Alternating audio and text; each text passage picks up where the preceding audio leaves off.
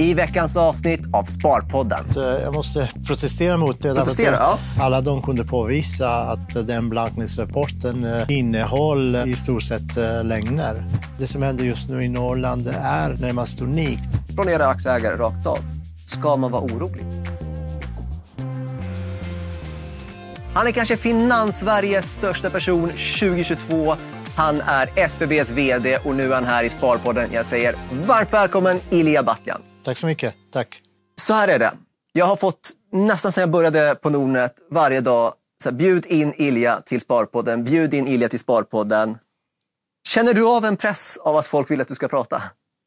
Nej, folk är väldigt snälla och, och intresserade så att, uh, det, det har jag inga problem med. Och du tycker det är kul? När... I mean, uh, jag tycker det är kul att vi har väldigt många aktieägare. Det, det har alltid tyckt kul. Det har varit en uh, en viktig fråga för, för, för mig när jag drog igång eh, SBB att få en stor eh, och bred eh, aktieägarbas. Därför att jag, jag tycker att jag har stor respekt för småspararna och, och jag har alltid varit lite försiktig när det gäller institutionsbyråkrater. Så att, jag tycker det är kul att folk vill veta mer och vill investera i SBB. Och I och med att det är så många aktieägare så blir det ju Alltså, det finns ju bolag som har stora aktieägare, men ni har ju framförallt väldigt många aktieägare.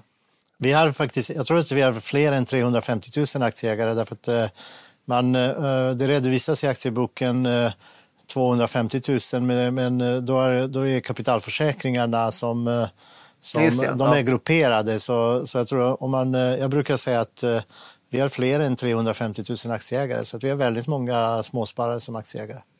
Och man kan väl säga att det har varit ett händelserikt år för er. På eh, både upp och ner. Nu senast är det ju mer upp då. Eh, men eh, definitivt har mycket hänt. Hur har det personligen känts det här året? Nej, men det här året har för mig personligen varit mest utmanande utifrån att jag blev påmind om kriget igen. Därför att jag har överlevt och lyckades ta mig ur ett krig och, och trodde att vi kommer aldrig eh, mer uppleva ett krig i Europa. Och, nu har vi en, en, eh, en ockupationsmakt eh, som angriper ett annat land i Europa. Och, och det, är, det, det är på det sättet har det, har det påverkat mig. Men har inte ni SBB också donerat till... Jag har för mig att jag såg någon sån Ja, vi har gjort. Våra aktieägare har faktiskt beslutat på bolagsstämma så att vi gör väldigt mycket olika insatser när det gäller att eh, stödja människor i, i nöd. Men, men här, utöver de ordinarie insatser som vi har gjort både från vår svenska verksamhet och också från vår norska verksamhet har vi också donerat ytterligare 50 miljoner till eh, till eh, UNHCR för att man ska kunna hjälpa till med flyktingkrisen i Ukraina. Men om man går till just SBB och kärnverksamheten så kan man väl säga lugnt sagt att det har varit en diskussion strid mellan dig och blankarna? Ja, men det, tror jag, det tycker jag inte eh, faktiskt. Eh, jag måste protestera mot det. Protestera, därför, att, ja. därför att jag tycker att vår kärnverksamhet eh, har, eh, har, utvecklats, eh, har utvecklats väl. Vi levererar varje dag eh, social infrastruktur till våra kommuner. Vi levererade väldigt stark Q3-rapport eh, som visar att eh, vår underliggande intjäning eh, levererar på alla punkter. Eh, jag tror att vi till och med överträffade förväntningar på, på, på, vår, eh, på vår justerade förvaltningsresultat. Eh, sen har vi haft den här, som, som du nämner, uh, blanknings, blankningssituationer, men det är på en, på ett mer abstrakt level, på en mer abstrakt nivå, det vill säga utanför ja. kärnverksamheten. Nej, men jag ska bara liksom så här, det var i eh, var det, 21 februari så kom ju blankarna med en eh, rapport där och du hade då eh, du hade en ganska starka ord om vad du tycker om eh, blankarna. Ehm, du skrev bland annat typ att Alekta, Kuststaden, Läringsverket med flera har kunnat påvisa att rapporten beställd av den kriminella sammanslutningen som manipulerat SVB-kursen har varit felaktiga och fulla av lögner.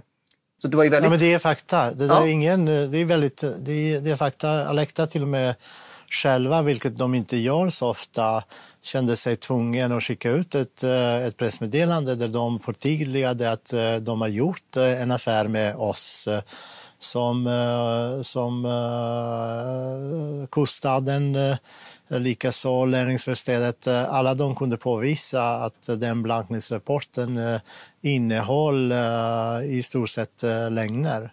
Men för att liksom reda ut vad som är sant och intressant så vet jag att ni också anmälde dem till Finansinspektionen. Nej, men jag, alltså, jag kommer inte, jag kommer inte lägga inte ett ord mer på, på blankarna och det är inte utifrån, utifrån, utifrån någonting annat än att eh, jag sa här för, för en tid sedan när jag blev, eh, när jag blev morfar att eh, nu har jag blivit morfar och nu, nu, nu måste jag lägga lite mer perspektiv på när det gäller saker och ting. Och det här är, det här är ett av de perspektiven, att jag kommer inte kommentera det överhuvudtaget. Okej, okay. eh, om vi inte kommenterar det, men en eh, grej som alla tittar på, även aktieägarna, då är det väl eh, kanske pudelns kärna. Det är liksom, vad era fastigheter är värda, vad lånen eh, ligger på, kan utdelningen behållas och så ja, vidare. Men det, är det, som är, det, är det, som är, det är det som är det centrala i sammanhanget. Och, och, och, det är det som jag tyckte att vår, vår Q3-rapport kunde, kunde visa att vi levererar eh, i enlighet med vår inkörningsförmåga, till och med bättre. Att vi också kan leverera en eh, like for like som överstiger inflationen och att vår eh, kärnverksamhet fungerar som den ska. Om vi tittar på kärnverksamheten så har ni förvärvat väldigt många fastigheter. Ehm, och det är ju vad ska man säga, det är en väldigt speciell typ av kund. Det är liksom inte så mycket boende som ni har fokuserat på utan det har funnits sånt men framförallt så handlar det om att hyra ut till kommuner eh, och annat. Är det, hur skiljer det sig från ja, andra typer av verksamheter att hyra ut Nej, men vi, vi levererar eh, fastigheter som behövs varje dag. Eh, alltså vi levererar social infrastruktur. Eh, en, ett äldreboende ska leverera tjänst till sina, till sina kunder 24 dagar, 24 timmar, eh, 365 dagar om året. Eh, och eh, det här är en väldigt central del av den sociala infrastrukturen. Och det, som, det som skiljer den här typen av fastigheter det är egentligen två saker. Den ena är att hyrorna är oftast relativt, relativt låga därför att man, eh, många av de fastigheterna kommer från början från kommuner eller från olika verksamheter som har köpt fastigheterna från kommunen och då har de börjat med låga hyror. Och den andra är att det är oftast, eh, det är oftast eh, långa avtal och, det skapar säkerhet för, en, för den långsiktiga investeraren i formen av att du har långa och trygga kassaflöde. Å andra sidan, om marknaden är bra har du ingen möjlighet att höja hyran väldigt mycket. Utan du har en eh, långsiktigt eh, trygg eh, kassaflöde. Och eh, när vi fått inflation, justeras de här kassaflödena för inflationen också? Absolut. Alltså, ni får mer pengar när inflationen Absolut, ja, men det är självklart. Och, och, och, det, är, och det där är också det där är också viktigt. Det där är också viktigt och, och och prata om. Anledningen anledning eh, varför man eh, justerar hyrorna med inflation det är att fastigheter är reala tillgångar. Och man förutsätter att den verksamheten som, som oavsett om det, är, om det är näringslivsverksamhet eller om det är en annan verksamhet, att den ska utvecklas med, med lite real tillväxt plus inflation. Men i vårt fall, det enda som vi har, det är inflationssäkringen.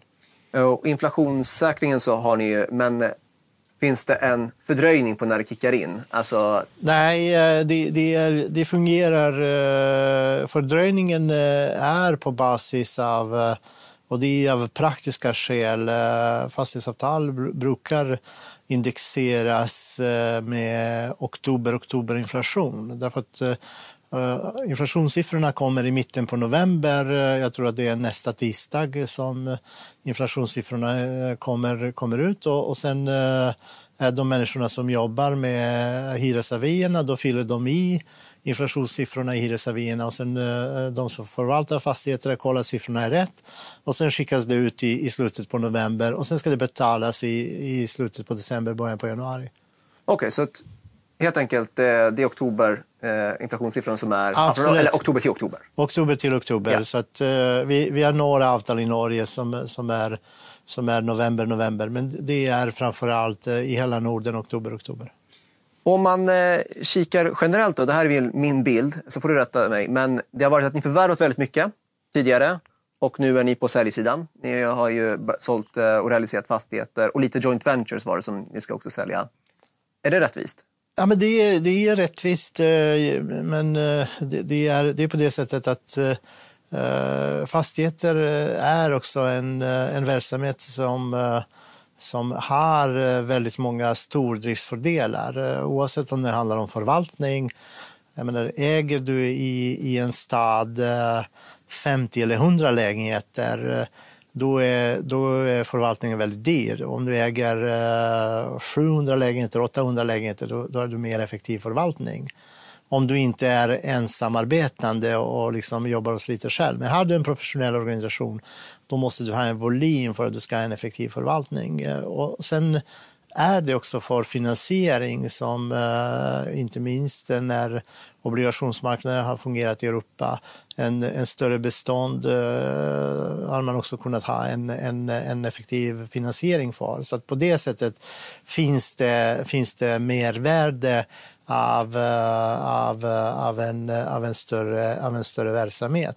Eh, sen när marknaden eh, ändras eh, och, då, då har vi valt att anpassa oss. jag menar, man kan önska sig lägre ränta eller man, ska, man, kan, man kan önska sig Putin bort eh, från Ukraina men eh, det, är, det, tar, det tar tid att hantera båda frågor och, och då kan man antingen vänta och hoppas att det ska bli bättre eller agera. Och, och den vägen som vi har valt, eh, det har varit att vi har valt att agera och, och jag, jag skrev, skrev, faktiskt väldigt tidigt i, i vår Q3-rapport att eh, de som brukar överleva under kriser, det är inte de smartaste utan eh, det är de som klarar av att anpassa sig. Och, och, och, vi har alltid jobbat med att skapa en organisation som klarar av att anpassa sig, som klarar av att agera och, och det är det som vi visar i vår Q4-rapport med fyra olika saker. Den ena är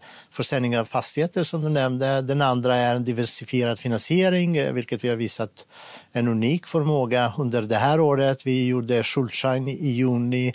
Vi gjorde private placement eh, eller en bond i USA i juli på väldigt bra villkor. Därutöver eh, publicerade vi att vi, vi, vi hade tecknat ytterligare en kreditfacilitet på 750 miljoner euro här i oktober.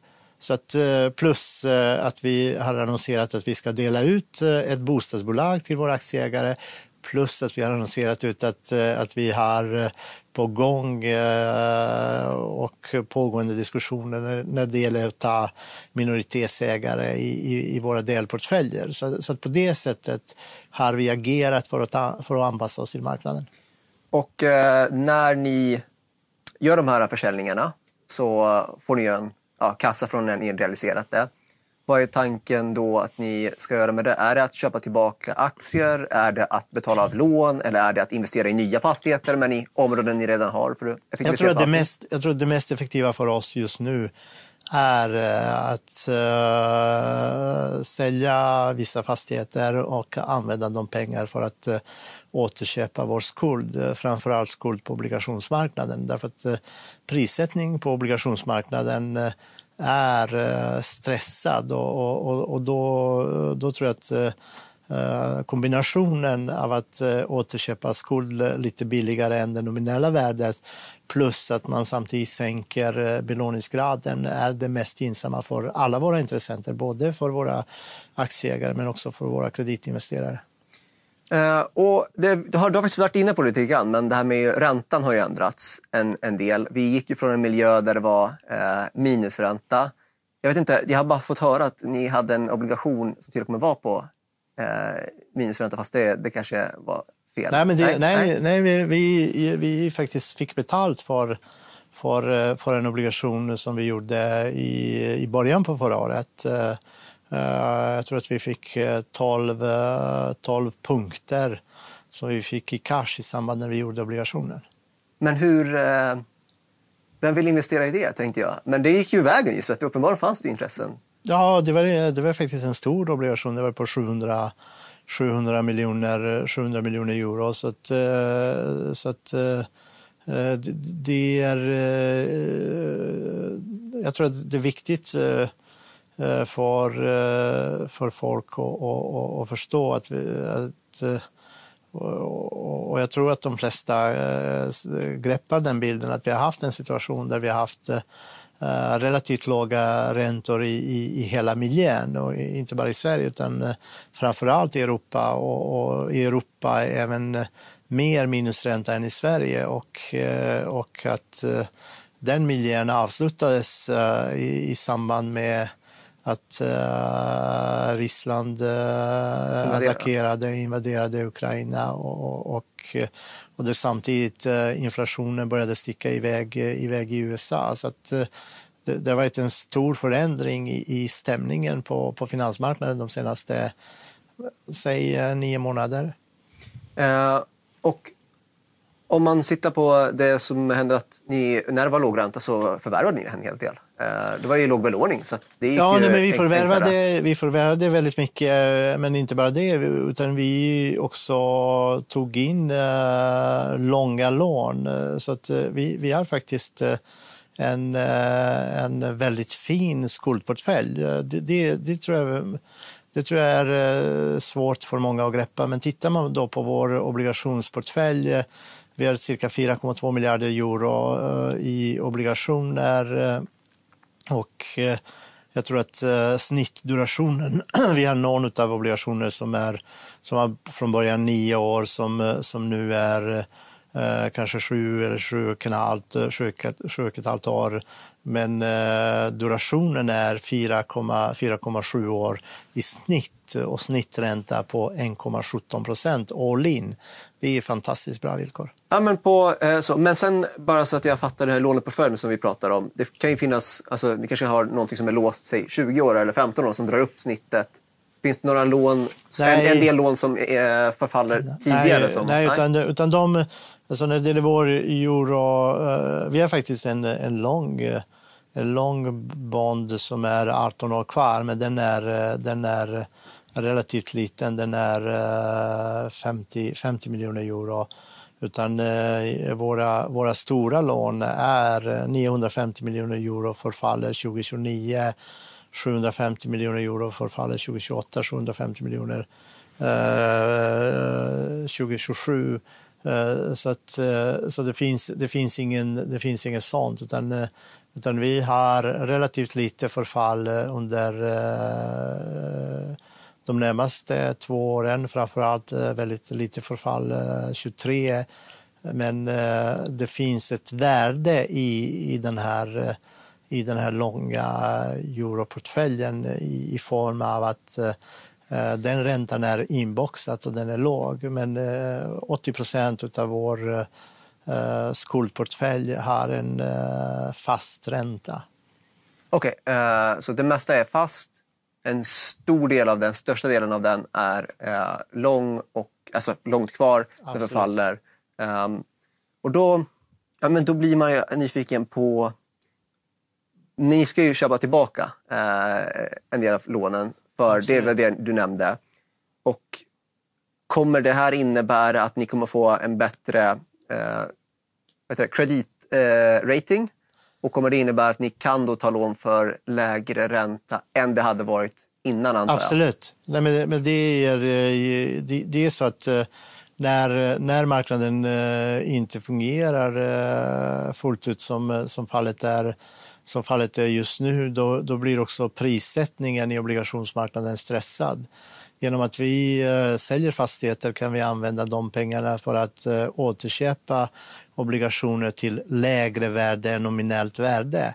Och eh, det är framförallt en del av marknaden som är mest stressad och det är så kallade hybridmarknaden. Hybrider är eh, perpetual eller eh, e-, så kallade evighetsobligationer, det vill säga att eh, investeraren, det vill säga vi, skulle egentligen aldrig behöva betala tillbaka dem, eh, utan man har egentligen en... Sen finns det vissa, vissa ratingkrav och annat och vill man ha det som en som en del i sin, i sin hur ska man säga, Eh, eget kapitalstruktur, eh, ja, då ska man eh, helst omfinansiera de här med, med nya liknande, liknande instrument. Samtidigt som de här instrumenten handlas idag för väldigt många bolag på nivåer som är kring mellan 35 och 50 procent av det nominella värdet. Och, och, och då får man fråga ratinginstituten om hur mycket man får köpa och man får tillåtelse att köpa upp till 10 procent av den totala volymen. Och, och, då tycker vi att det där är en fantastiskt bra eh, affär för våra aktieägare att vi, om vi kan köpa vår skuld eh, till, eh, till rabatt och, och om vi kan dessutom skapa equity genom att, att återköpa våra hybrider till ännu större rabatt. Men du har nämnt några gånger nu att det, obligationsmarknaden funkar inte riktigt just nu. Och då undrar jag, liksom så här, vad är det som inte funkar egentligen? Eller vad, vad, menar du när du säger det? Är det bara att det kan det inte vara bara så att det är mer riskfyllt och folk vill inte in? Nej, nej utan det, det, är, eh, alltså marknaden har varit, eh, det har varit en stor förändring i makrobilden eh, och det är det som man måste det är det som man måste ta till sig att i ett läge där ingen vet var någonstans inflationen toppar och, och därmed vet man inte var någonstans räntorna toppar. Då, är, då, är, då blir det svårigheter både med prissättning och, och, då är det liksom också normalt att man prioriterar att man har en del av sin portfölj i cash och samtidigt som en del av fonder får uttag. Så, att, eh, så att jag tycker det är, en, det är en komplex bild men samtidigt eh, tycker jag att kapitalmarknaden är väldigt viktig och, och, och eh, att eh, vi har stort behov av välfungerande kapitalmarknad, inte bara i Sverige utan i hela Europa. Och, och då får man ha respekt att eh, det är stressigt och, och, och det kanske inte är funktionellt under en tid, men jag är övertygad om det kommer tillbaka.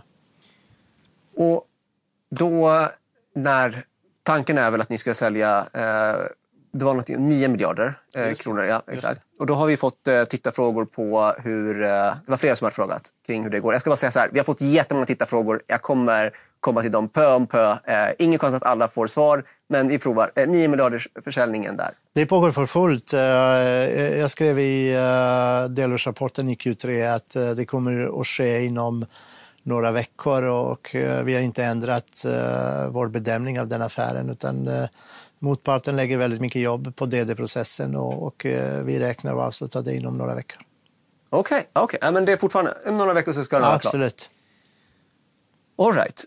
Um, och du sa i början sa du att uh, det kan vara dyrt att ha fastigheter spridda lite, lite här och där utan du vill centrera det till några regioner för att effektivisera förvaltningen där.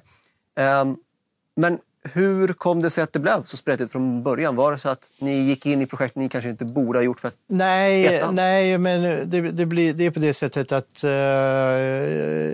det, det, är därför som det tar uh, alltid lång tid att bygga, bygga upp en, en, effektiv, en effektiv förvaltning. Därför att eh, det är inte så att du kan eh, bara beställa, okej, okay, jag vill ha en fin portfölj som ligger på Karlavägen 25 eh, och, och två kvarter runt omkring, utan, utan man agerar utifrån de förutsättningar som finns och utifrån den marknaden som finns. Å andra sidan finns fastigheter som som, som är mer av karaktären av så kallade trippelnätavtal där hyresgästen har ansvar för allt och, och som som, som på det sättet ha, kan man ha väldigt många av eh, också som, som mindre enheter. Så, så att, eh, det, det, gäller att hitta den här perfekta mixen. Att när det gäller till exempel bostäder, men då behöver man lite, om man inte jobbar själv, jobbar man själv då kan man göra en fin affär på, på på 40-50 bostäder och man klarar av att förvalta allt själv. Men så fort man är en professionell aktör då behöver man ha 400-500 lägenheter per, per ort för att, för att det ska bli någorlunda effektivt. Och, och där tycker jag att vi har kommit uh, långt på vägen. Vi, när vi förvärvade Hemfosa fick vi en, eh, en väldigt uh, fin förvaltningsbas uh, som, som vi har fortsatt att, fortsatt utveckla vidare också med Annika Ekström som är vår förvaltningschef och, och väldigt duktiga regionchefer. Och det här leder mig utsökt på nästa tittarfråga som kommer från Rasmus Malmgren. Eh, bor nära Esbyfastigheten Vallgraven 2. Eh, Kul, det är en ja. fin fastighet. Ja. Eh, hur ser han, alltså du, på expansion i Skåne och Öresundsregionen? Ja, men, vi tycker att det finns väldigt goda förutsättningar att, att växa i Skåne. Vi har väldigt bra förvaltningsorganisation i Skåne med Ola Svensson som är vår, vår regionchef där. Så att, vi kommer att se till att expandera mer både i Skåne och Trelleborg. Vad är det som är så speciellt i Skåne? Ja, men det, Skåne har väldigt, väldigt bra tillväxtförutsättningar och, och Eh, det finns eh, också eh, genom närheten till, närheten till Europa finns det ett väldigt bra underlag för, för, för, fortsatt, för fortsatt tillväxt. Och Trelleborg har dragit igång väldigt mycket utvecklingsarbete de senaste åren. Det är nära till infrastrukturen, fungerar väl.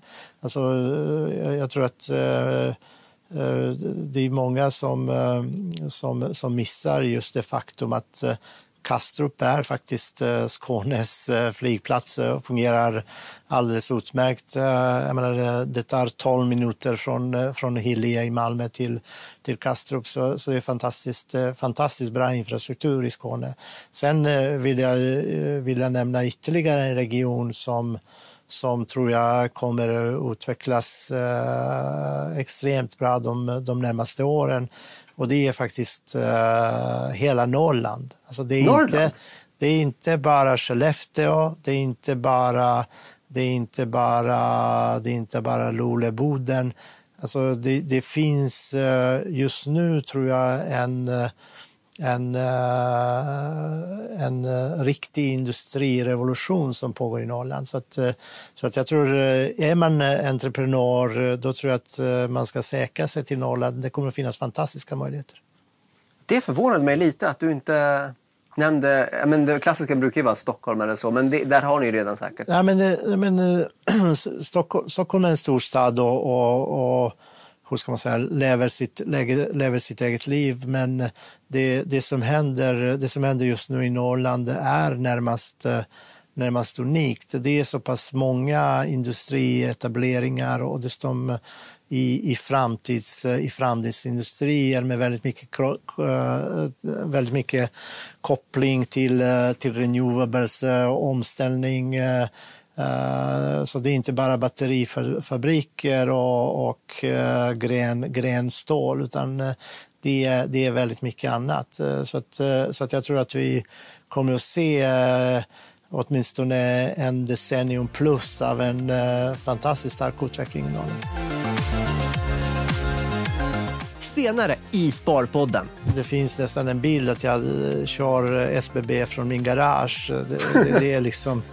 Men det här var ingenting om att liksom jävlas med blankarna för det kommer vara rätt tufft för dem. Nej, men vi, vi, vi gör inte saker för att jävlas. Från era aktieägare rakt av, ska man vara orolig? Och bara så man liksom förstår någonstans, för nu har du varit tydlig med att du fokuserar nu på att köpa hybridobligationer, det är det vi ska köpa först, vi ska sänka skuldsättningen och det är massa andra grejer som ska in där.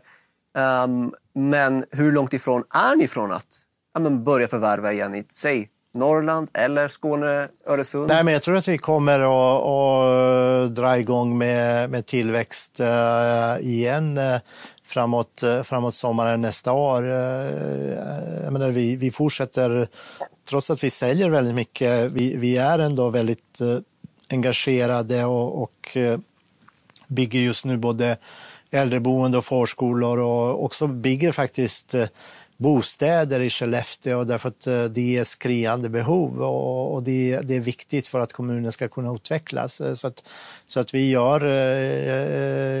Jag brukar tillsammans med mina medarbetare säga att, att vi bygger Sverige och vi bygger Sverige varje dag. All right. Um, och ja, betyder det att ni också kikar runt redan nu eller uh, Absolut. Nej, men vi är, vi är uh, Alltså det finns en, det finns en, eh, en eh, nästan, eh, hur ska man säga, eh, det finns nästan en bild att jag kör SBB från min garage. Det, det, det är liksom, det, det, det, det, kan inte funka på det sättet. Vi är 450 medarbetare. Vi är varje dag involverade i en affär eller en renovering eller en nybyggnation eller, eller någon, annan, någon annan värdeskapande aktivitet. Så, så att, Uh, utöver att vi har en, en fantastiskt eh, fin aktieägarbas har vi också en uh, väldigt duktig skara med människor som jobbar varje dag för våra aktieägare.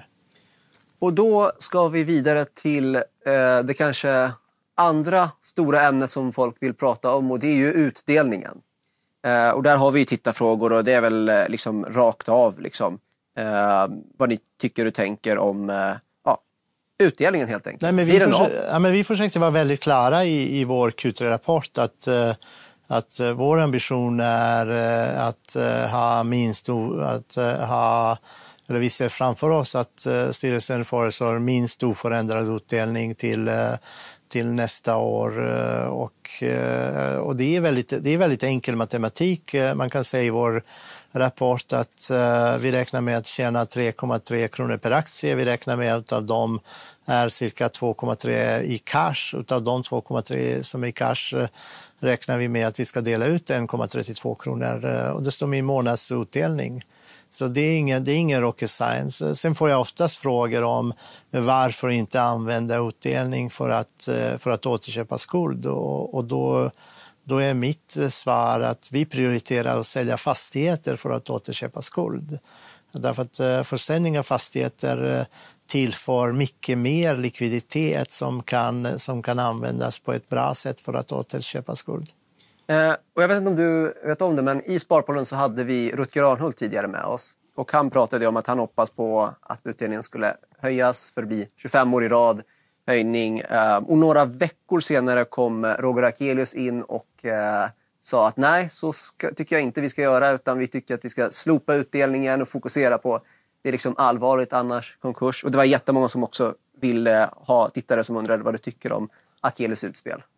Nej, men jag, jag, jag känner eh, eh Roger och, och, jag känner också Rutger eh, och, och, jag ska inte kommentera mina kollegor därför att eh, jag har inte hela bilden. Eh, man vet aldrig hur, eh, hur, hur det som har framkommit i media, hur, hur, hur det har fungerat i, i, i verkligheten. Så att, jag, jag, skulle, jag skulle aldrig kommentera den typen av, den typen av frågor.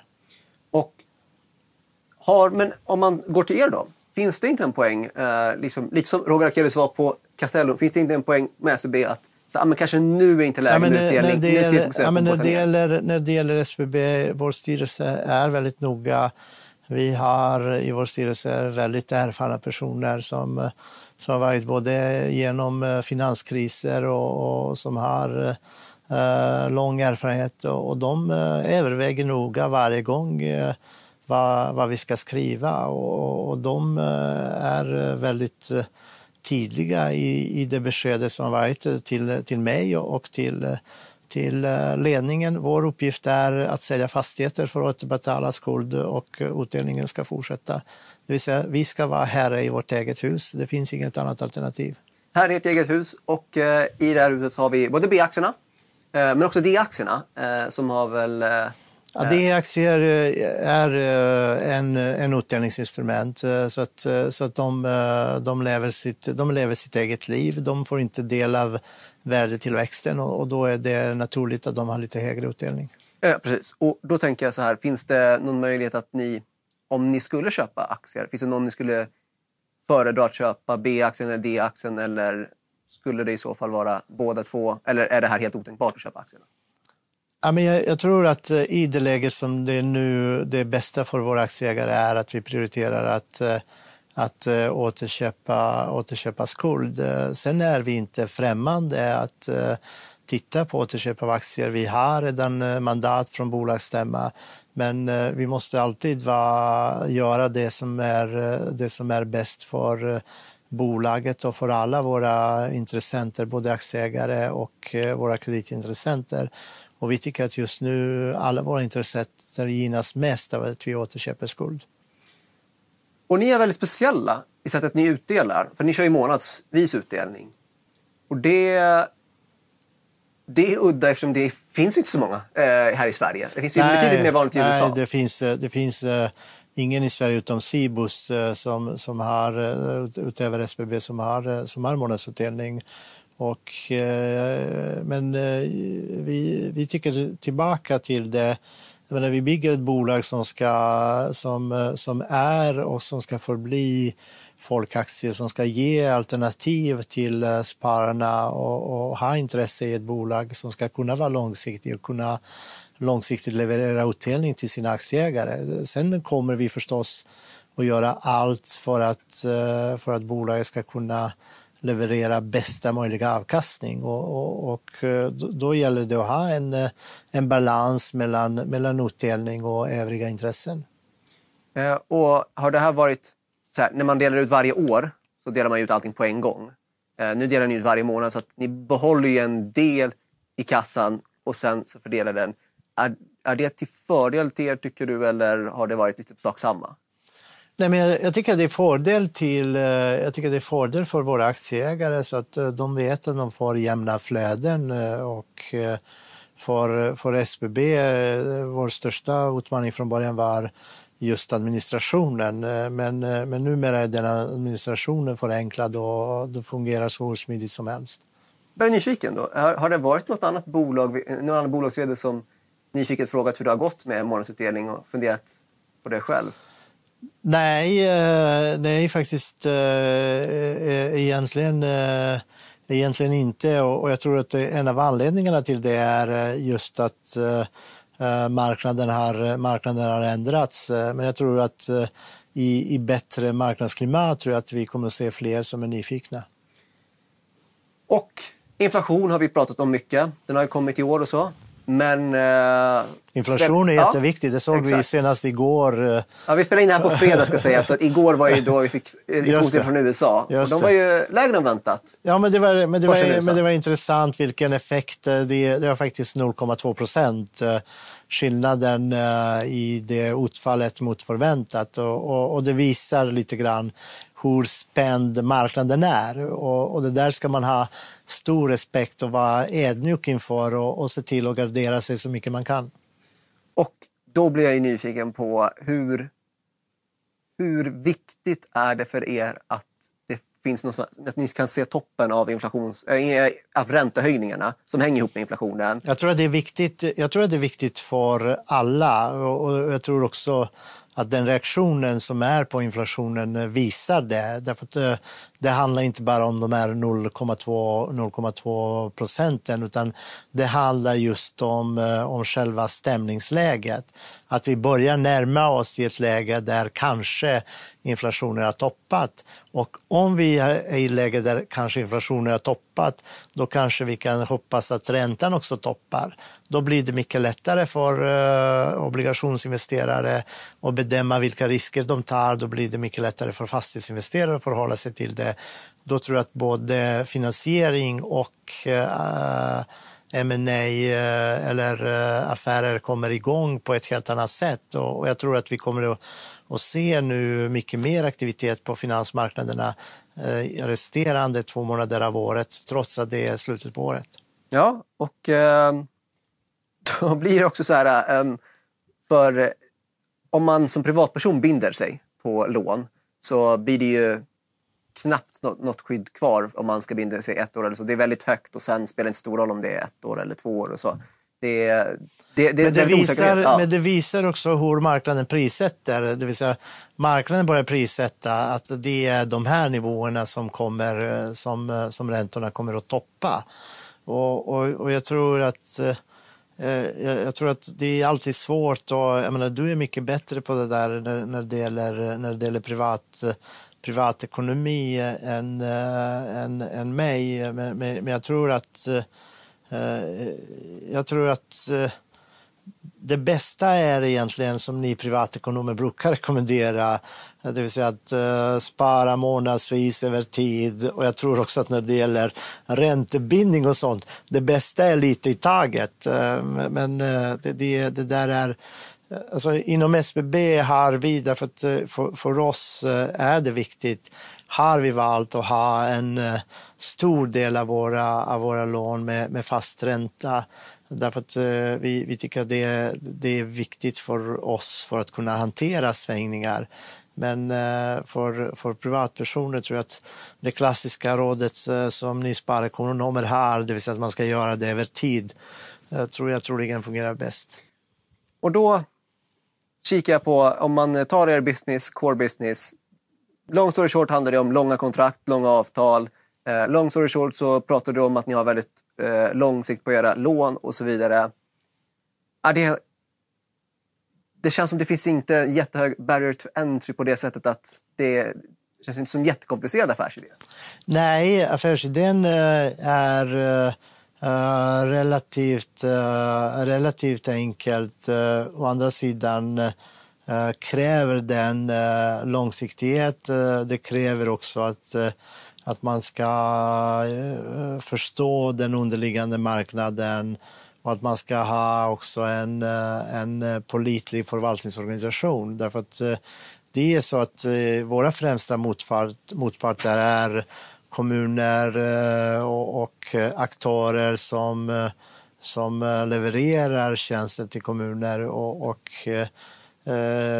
jag brukar alltid för, för att när vi ska hur ska man säga, drilla oss själva och vara väldigt noga med att en kommun kan aldrig göra sin sämsta affär. De behöver inte göra sin bästa affär, men de kan aldrig göra sin sämsta affär. Och därför att om en kommun inte gör en bra affär, då kommer vi inte få hjälpa till fler gånger. Det är, det är, väldigt, det är väldigt enkelt.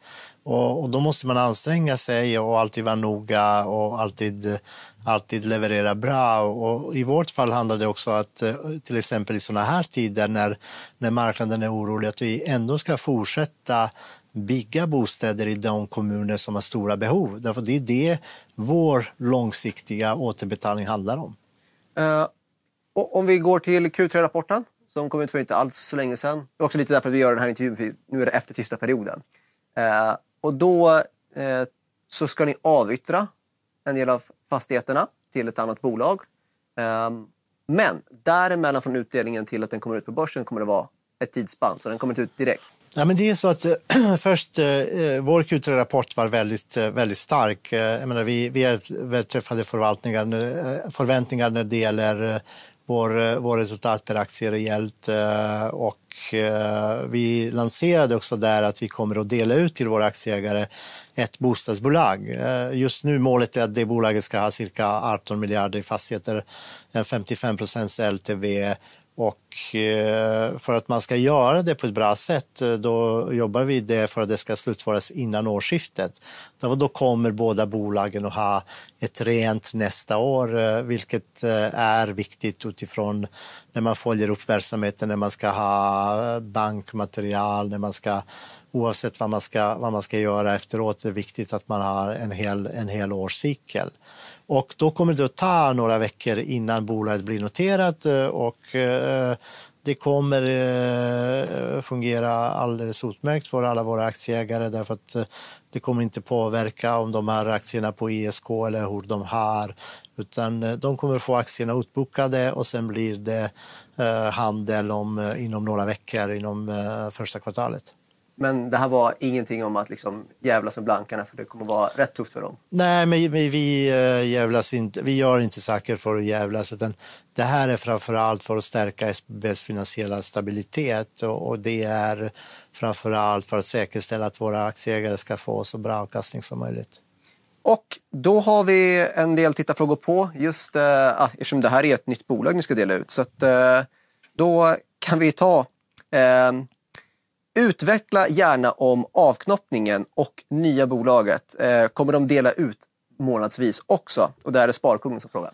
Ja, men det, är, eh, tyvärr kan, kan jag inte svara, därför det nya bolaget kommer att ha egen styrelse, egen vd som eh, vi presenterade, Ilva Sarbi Westman, eh, en Eh, väldigt eh, erfaren eh, företagsledare inom, inom fastighetsbranschen. Senast CFO på Castellum, innan dess vice vd och CFO på Kungsleden.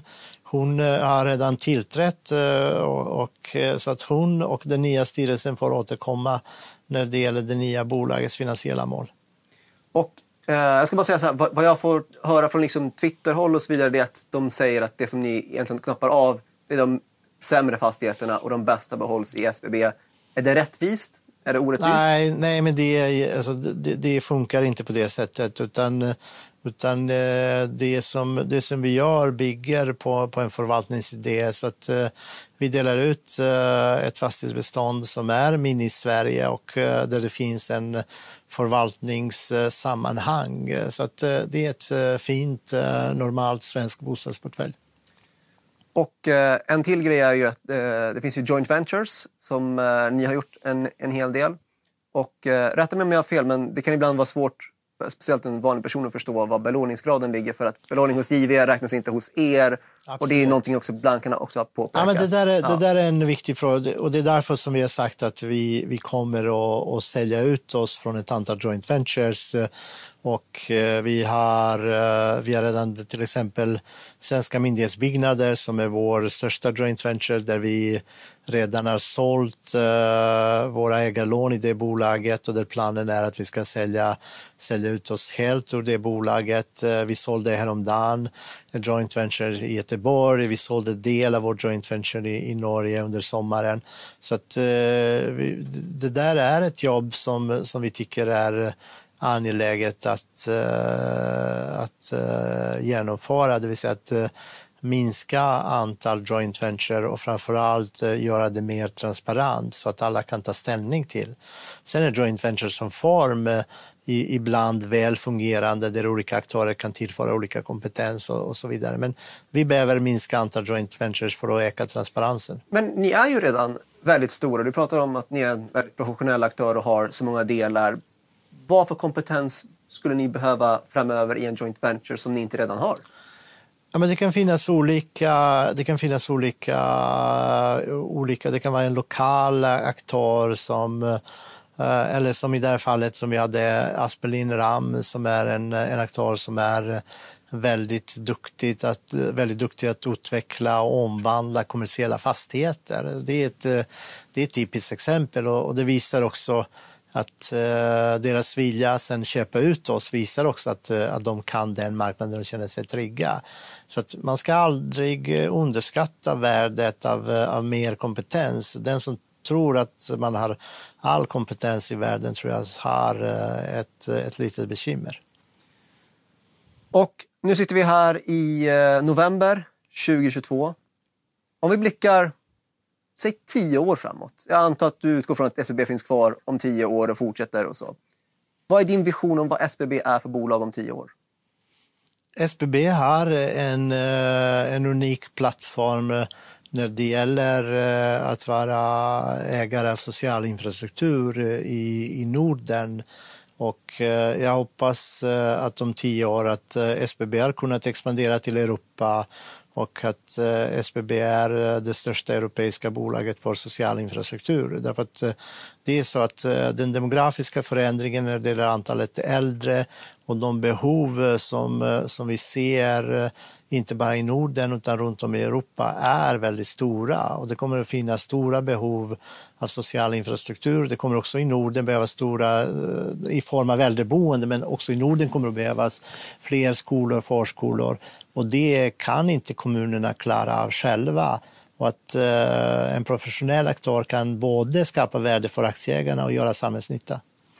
Och det du nämner är ju Europa. För det är, eh, någonting jag har hört väldigt mycket från när man pratar med fastighetsfolk eh, är ju att EU har satt ganska hårda mål på att infrastrukturen måste vara mer energieffektiv, det ska vara liksom mer modernt på grund av liksom att nå energimål och så vidare.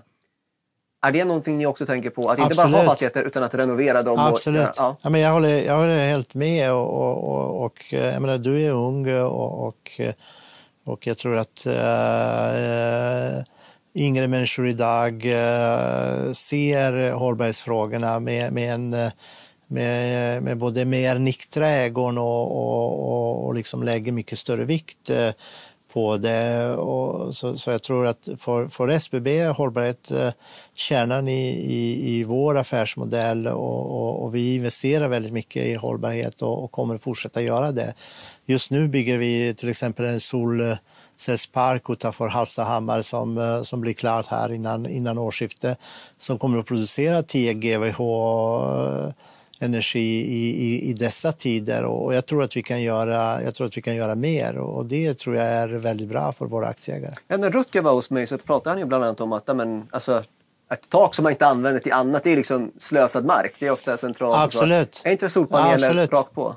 Ja, men solpaneler är, det är, en fantastisk, eh, det är en fantastisk möjlighet för, för fastighetsbranschen eh, när det gäller produktion av ny energi. Men vi kan också göra mycket mer när det gäller, eh, när det gäller att minska konsumtionen. Vi har en av våra medarbetare, Peter Olausson, som jobbar väldigt eh, koncentrerat eh, och, och kör igång energiprojekt när det gäller gamla bostäder. Och vi har exempel där, där man har klarat av att sänka koldioxidutsläpp mellan 30 och 50 procent. Det är väldigt mycket. Och någonstans så kommer vi ju behöva börja runda av. Eh, men jag ska säga att en fråga vi har fått väldigt mycket är från era aktieägare rakt av. Ska man vara orolig? Och då tänker Nej. jag att du får vända dig direkt om. Vad, Nej, vad det ska, man inte, det ska man inte alls eh, vara. Därför att eh, man investerar i ett bolag därför att man tror på affärsidén och man tror på de människor som leder bolaget. Och Tror man inte på affärsidén och de människor som leder bolaget inte sköter sig, då byter man ut dem. Men jag tror att i vårt fall finns inget att vara oroligt utan vi kommer att fortsätta leverera. Och nu pratade vi tidigare om tio år framåt, men om jag tvingar dig tolv månader framåt, från och med nu, vad är det du ser mest fram emot? Är det sommaren när ni ska börja förvärva? Är det... Ja. Det, det jag ser mest fram emot eh, det är faktiskt eh, våren nästa år därför att eh, det är då jag tror att vi kommer att få en bättre rating och det är en viktig förutsättning för att eh, våra aktieägare ska känna sig ännu tryggare. Och det, är, det ni ska göra konkret är att köpa de här lånen som vi pratar om. Är det något annat ni gör för att få bättre ja, rating? Det, det vi gör det är just att genomföra de försäljningar som vi har sagt eh, också. Då, där jag räknar att det blir försäljningar inklusive som jag summerade det i samband med det senaste kvartalskålet, eh, cirka 13 miljarder. När vi har genomfört det då kommer vi att ha en väldigt stark balansräkning och då kommer vi också kunna se fram emot starkare rating. Sista frågan. Er, eh, nu har aktien börjat vända, eh, faktiskt ganska mycket från botten, men det är för att det har varit väldigt volatilt fram, eh, upp och ner. Um, skulle du, om du fick summera det här året, skulle du säga att det har varit en berg och dalbana känslomässigt personligen också? Eller har du hållit dig från uh, aktiekursen? Påverkar det dig liksom, på det sättet? Nej, det här året har påverkat mig på, på, på två sätt. Uh, uh, egentligen.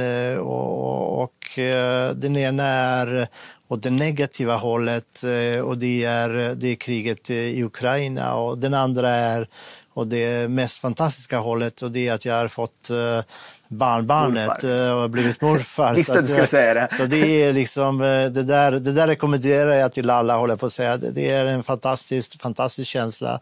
Därför det är det livet handlar om. Alltså det är inte, man måste hålla sig ifrån bruset, man måste hålla sig ifrån fluktuationerna och se vad som är viktigt i livet. Alltså jag vet att många blir glada när de får ett barnbarn, men du verkar vara extremt glad över, över det och kan rekommendera det varmt. Att bli morfar är toppen. Att bli morfar är toppen och att uh, slippa krig är också toppen. Det är bra slutord. Det här var Sparpodden denna vecka. På onsdag nästa vecka är vi tillbaka igen. Missa inte att stå på återseende.